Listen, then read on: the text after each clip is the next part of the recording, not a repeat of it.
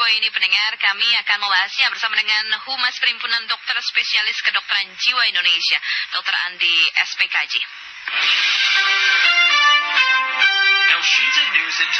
Dokter Andri, apakah memang benar ini uh, gejala, gejala, mohon maaf ini ya, cabin fever ini bisa terjadi bagi masyarakat yang saat ini memang uh, kebanyakan aktivitasnya ada di dalam rumah? Halo, Dokter Andri. Iya, pagi Mbak Dian. Sorry, ya. sebabnya suaranya agak nyampur tadi. Oke, okay, baik. Ini suaranya sudah jelas ya, ya dokter ya? Iya. Iya. Bagaimana sebenarnya? Apakah ini memang benar konfirmasi apa yang disampaikan Pak Aris dari uh, gugus tugas COVID-19 di Sumatera Utara itu benar?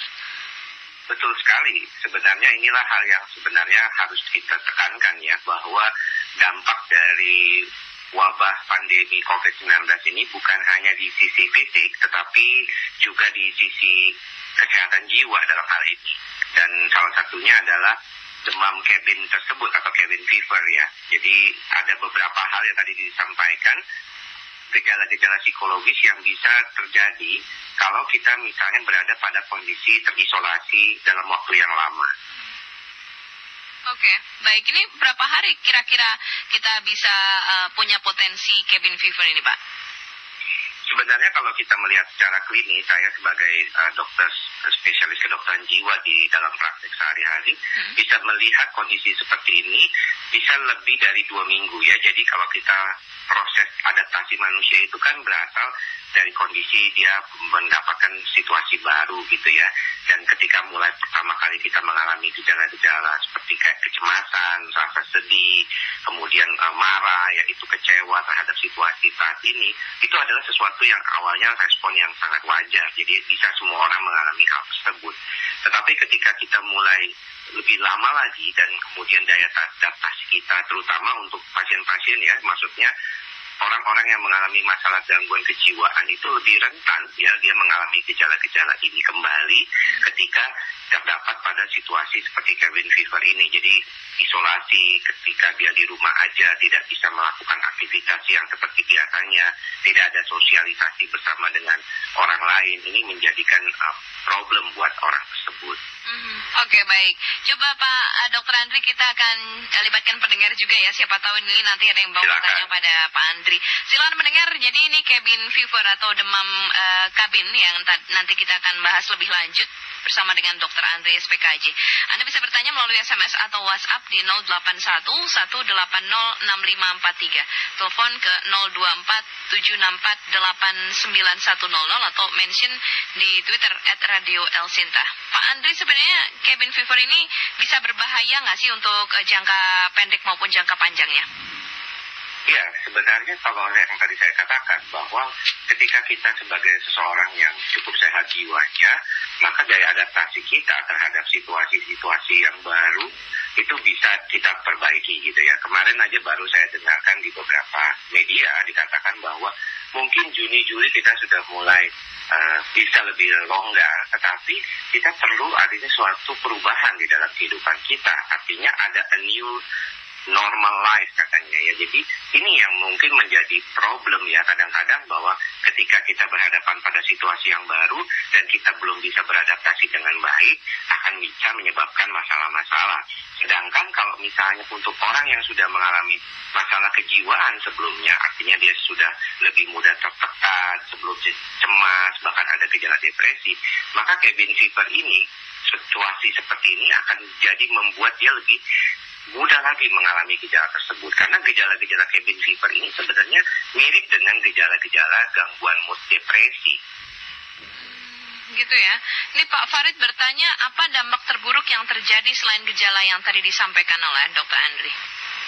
Ya, sebenarnya dampak terburuk kalau kita sebagai dokter spesialis kedokteran jiwa akan lebih mengarahkan kepada depresinya. Hmm. Jadi kita berupaya untuk orang itu tidak mengalami gangguan depresi berkepanjangan.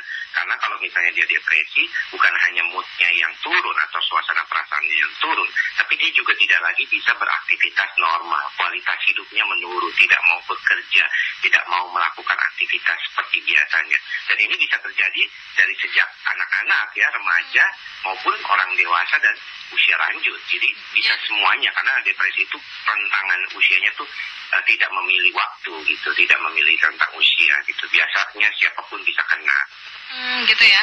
Jadi tidak terbatas usia, tapi uh, terbatas apa yang bisa kita jadikan uh, patokan kalau memang cabin fever ini tidak mudah menyerang uh, seseorang begitu. Apakah memang orang dengan pribadinya yang sabar atau uh, seperti apa, Dok?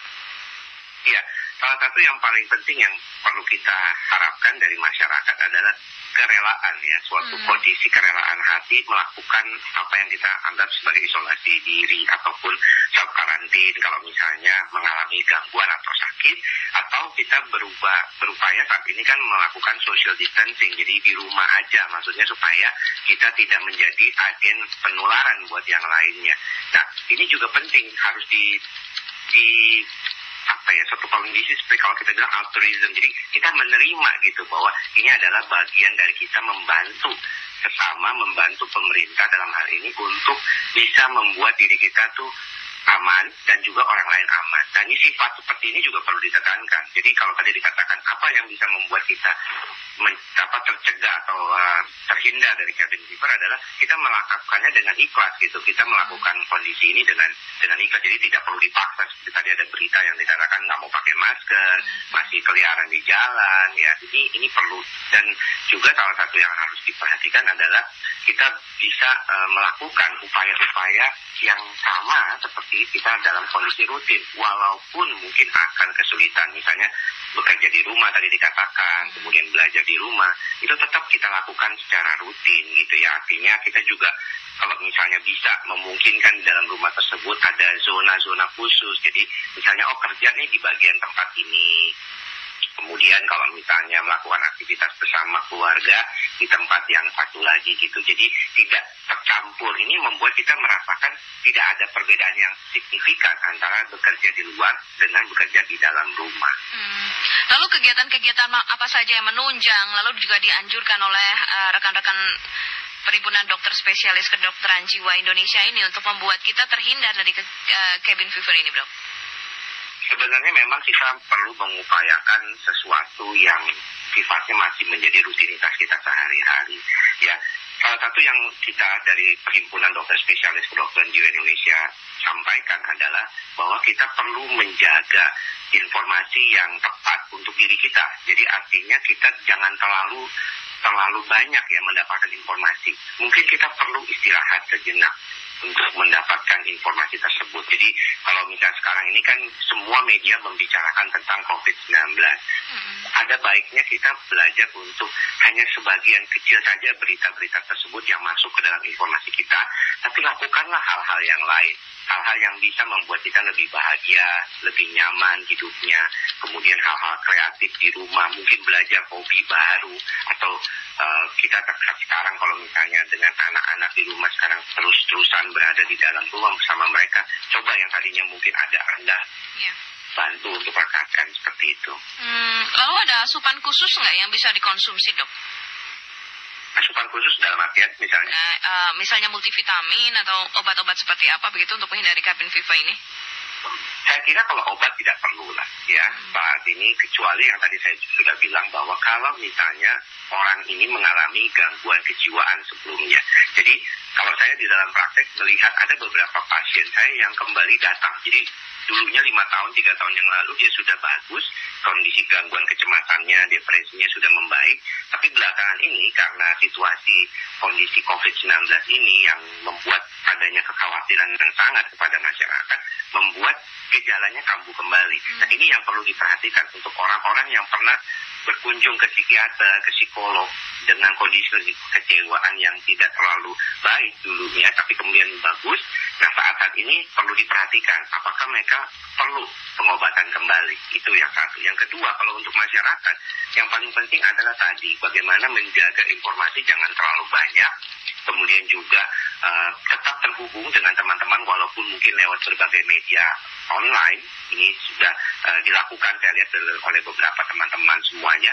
Dan juga bagaimana kita meningkatkan aktivitas yang lain selain daripada misalnya bekerja rutin seperti kita melakukan aktivitas sehari-hari, tetapi juga misalnya menambah aktivitas yang lain, misalnya belajar sesuatu, kemudian juga tetap aktivitas rumah seperti itu berolahraga, ya asupan vitamin itu penting juga ya salah satunya misalnya vitamin D seperti itu, ya. vitamin C ya itu uh, memulihkan dan salah satunya untuk meningkatkan imunitas tubuh. Hmm, ya. Nah ini saya penasaran juga sebenarnya dok, perasaan sedih seperti apa sih yang dirasakan oleh penderita cabin fever ini? Apakah tiba-tiba emosi dan overthinking terhadap sesuatu? Ya, gejala yang berkaitan dengan gangguan mood itu ada yang sedih seperti tadi kayak kita nggak tahu tiba-tiba kita merasakan kesedihan ya satu atau yang tadi dikatakan misalnya ada perasaan seperti tersinggung mudah tersinggung ya sensitif dengan dengan apa namanya dengan situasi ini tidak mengherankan makanya kenapa waktu saya mendengar berita di Wuhan gitu ya setelah masa lockdownnya selesai itu angka perceraiannya tinggi hmm. karena ternyata berada di dalam lingkungan rumah bersama dengan orang-orang setiap harinya itu kadang-kadang membuat orang tersebut tidak punya waktu untuk me time-nya sendiri. Jadi dia merasakan sensitivitas.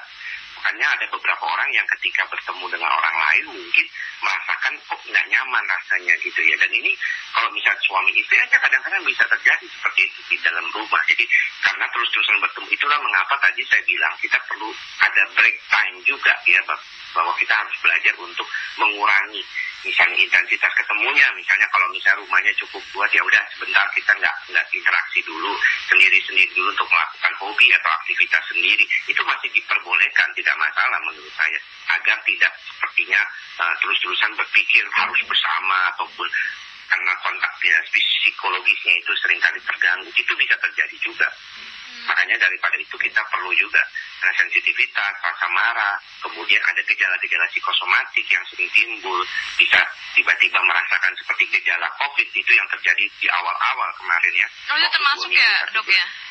Iya, dua minggu satu bulan pertama kan kita melihat ya, saya sempat waktu itu juga uh, nge-tweet ya terkait dengan hal ini. Uh, dan banyak sekali tanggapan gitu. Saya nggak nyangka ternyata gejala-gejala itu juga terjadi pada masyarakat waktu dua minggu pertama saat uh, wabah itu mulai ada ya.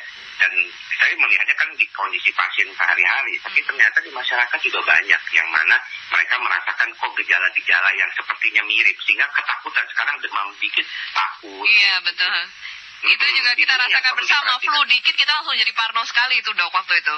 Betul, kita hmm. jadi kayaknya ada curiga dengan kondisi sekarang karena gampang sekali. Memang virus ini sangat mudah menyebar ya, itu yang menjadi kekhawatiran. Tetapi dengan pola hidup yang sehat, menggunakan masker, cuci tangan, jaga jarak, uh, dan kalau bisa tidak terlalu perlu tidak uh, keluar rumah itu sebenarnya sudah sangat membantu hmm. untuk uh, mengurangi pencegahan, uh, sorry mengurangi penularan uh, virus ini. Di sisi lain kita dianjurkan untuk selalu waspada tapi tidak terlalu khawatir ya dok ya. Nah ini seperti apa sih kita bisa mengimplikasikannya begitu? Nah, sudah melihat gejala-gejala yang sama tapi kita tidak boleh takut. Dalam seperti itu. Bagaimana dok? Kalau kita kembali ke basicnya dulu bahwa ini adalah suatu kondisi virus kan. Jadi ini adalah gangguan yang bisa sembuh sendiri sebenarnya. Kita juga harus ingat bahwa 80 sampai 90 persen orang yang terinfeksi dengan virus corona ini tidak apa tidak mendampakkan gejalanya ataupun gejalanya ringan seperti batuk pilek biasa gitu. Jadi kita nggak perlu terlalu takut sampai misalnya kita berpikir waduh nanti saya kalau kena kalau batuk pilek kena corona kemudian saya bisa mati gitu atau masuk ICU pakai ventilator. Itu kan untuk kasus yang berat untuk komorbid yang berat. Maka daripada itu rasional kita berpikir rasional itu sangat kita pentingkan gitu bagaimana kita bisa mengelola pikiran kita itu. Jadi jangan terlalu takut yang berlebihan gitu. Jadi itu yang paling penting. Tetap jaga kesehatan tetap jaga nutrisi jaga jarak masker gunakan, kemudian juga cuci tangan setelah melakukan aktivitas selalu. Hmm, lalu sebenarnya uh, tadi kan disampaikan kita harus sejenak juga untuk uh, mengkonsumsi informasi-informasi terkait dengan COVID-19 agar tidak terlalu jauh dan juga tidak terlalu uh, mensugesti kita diri sendiri kita terkena COVID-19 dan lain sebagainya begitu. Nah, lalu seperti apa uh, pola konsumsi informasi yang harus kita terima dok ya kan kalau kita tidak uh, memiliki informasi terupdate berita terkini begitu kadang-kadang kan uh, kita tidak bisa tahu sebenarnya apa yang terjadi di luar itu pak uh, dok. Sebenarnya kalau saya sarankan dan kami juga dari PDSKJI, Perhimpunan Dokter Spesialis Kedokteran Jiwa Indonesia menyarankan batasi asupannya. Misalnya contoh untuk mengkonsumsi berita berkaitan dengan COVID mungkin satu jam sehari saja.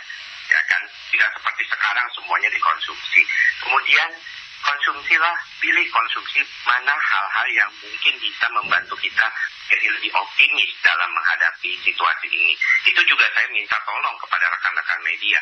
Saya sering mengatakan juga, kami juga sering mengatakan di berbagai media, perwakilan Humas KJI untuk selalu meningkatkan optimisme bahwa hal ini bisa berakhir kondisi ini sepertinya akan bisa berakhir dan itu yang perlu ditekankan. Jangan terlalu banyak, misalnya di awal kan dulu kita selalu banyak berpikiran tentang ini misalnya kondisinya bisa meninggal segala macam. Nah ini kita tahu bahwa rasional kita itu penting untuk dikatakan bahwa informasi yang jelas berkaitan dengan kondisi ini itu yang penting utamanya yaitu misalnya tadi bagaimana kita bisa mencegahnya dengan uh, pola hidup sehat yang sebenarnya tidak terlalu sulit sebenarnya.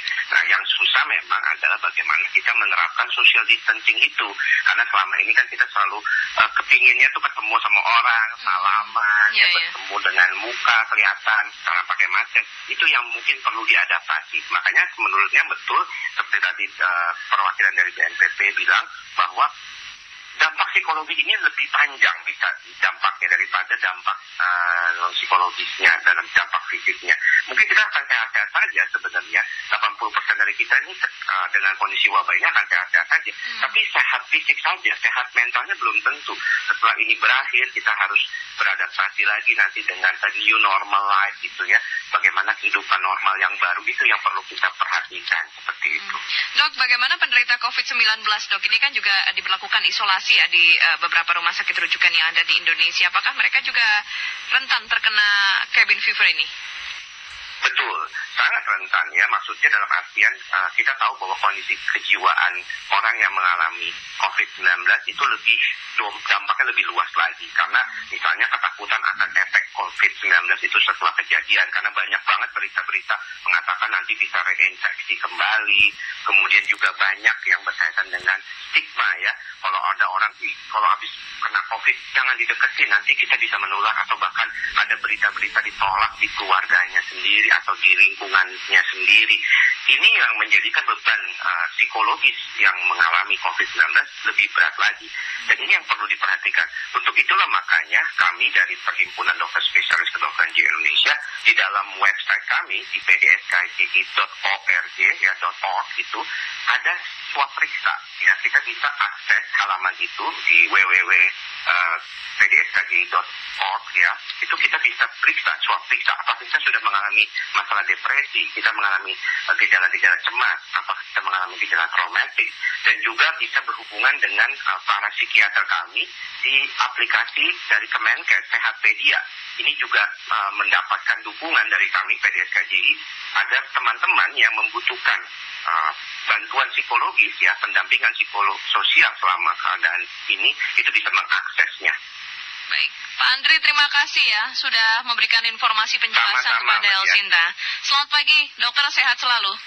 Sama-sama, sama-sama sehat selalu. Salam sehat jiwa. Perhimpunan, maksud kami Humas dari Perhimpunan Dokter Spesialis Kedokteran Jiwa Indonesia, Dr. Andri SPKJ.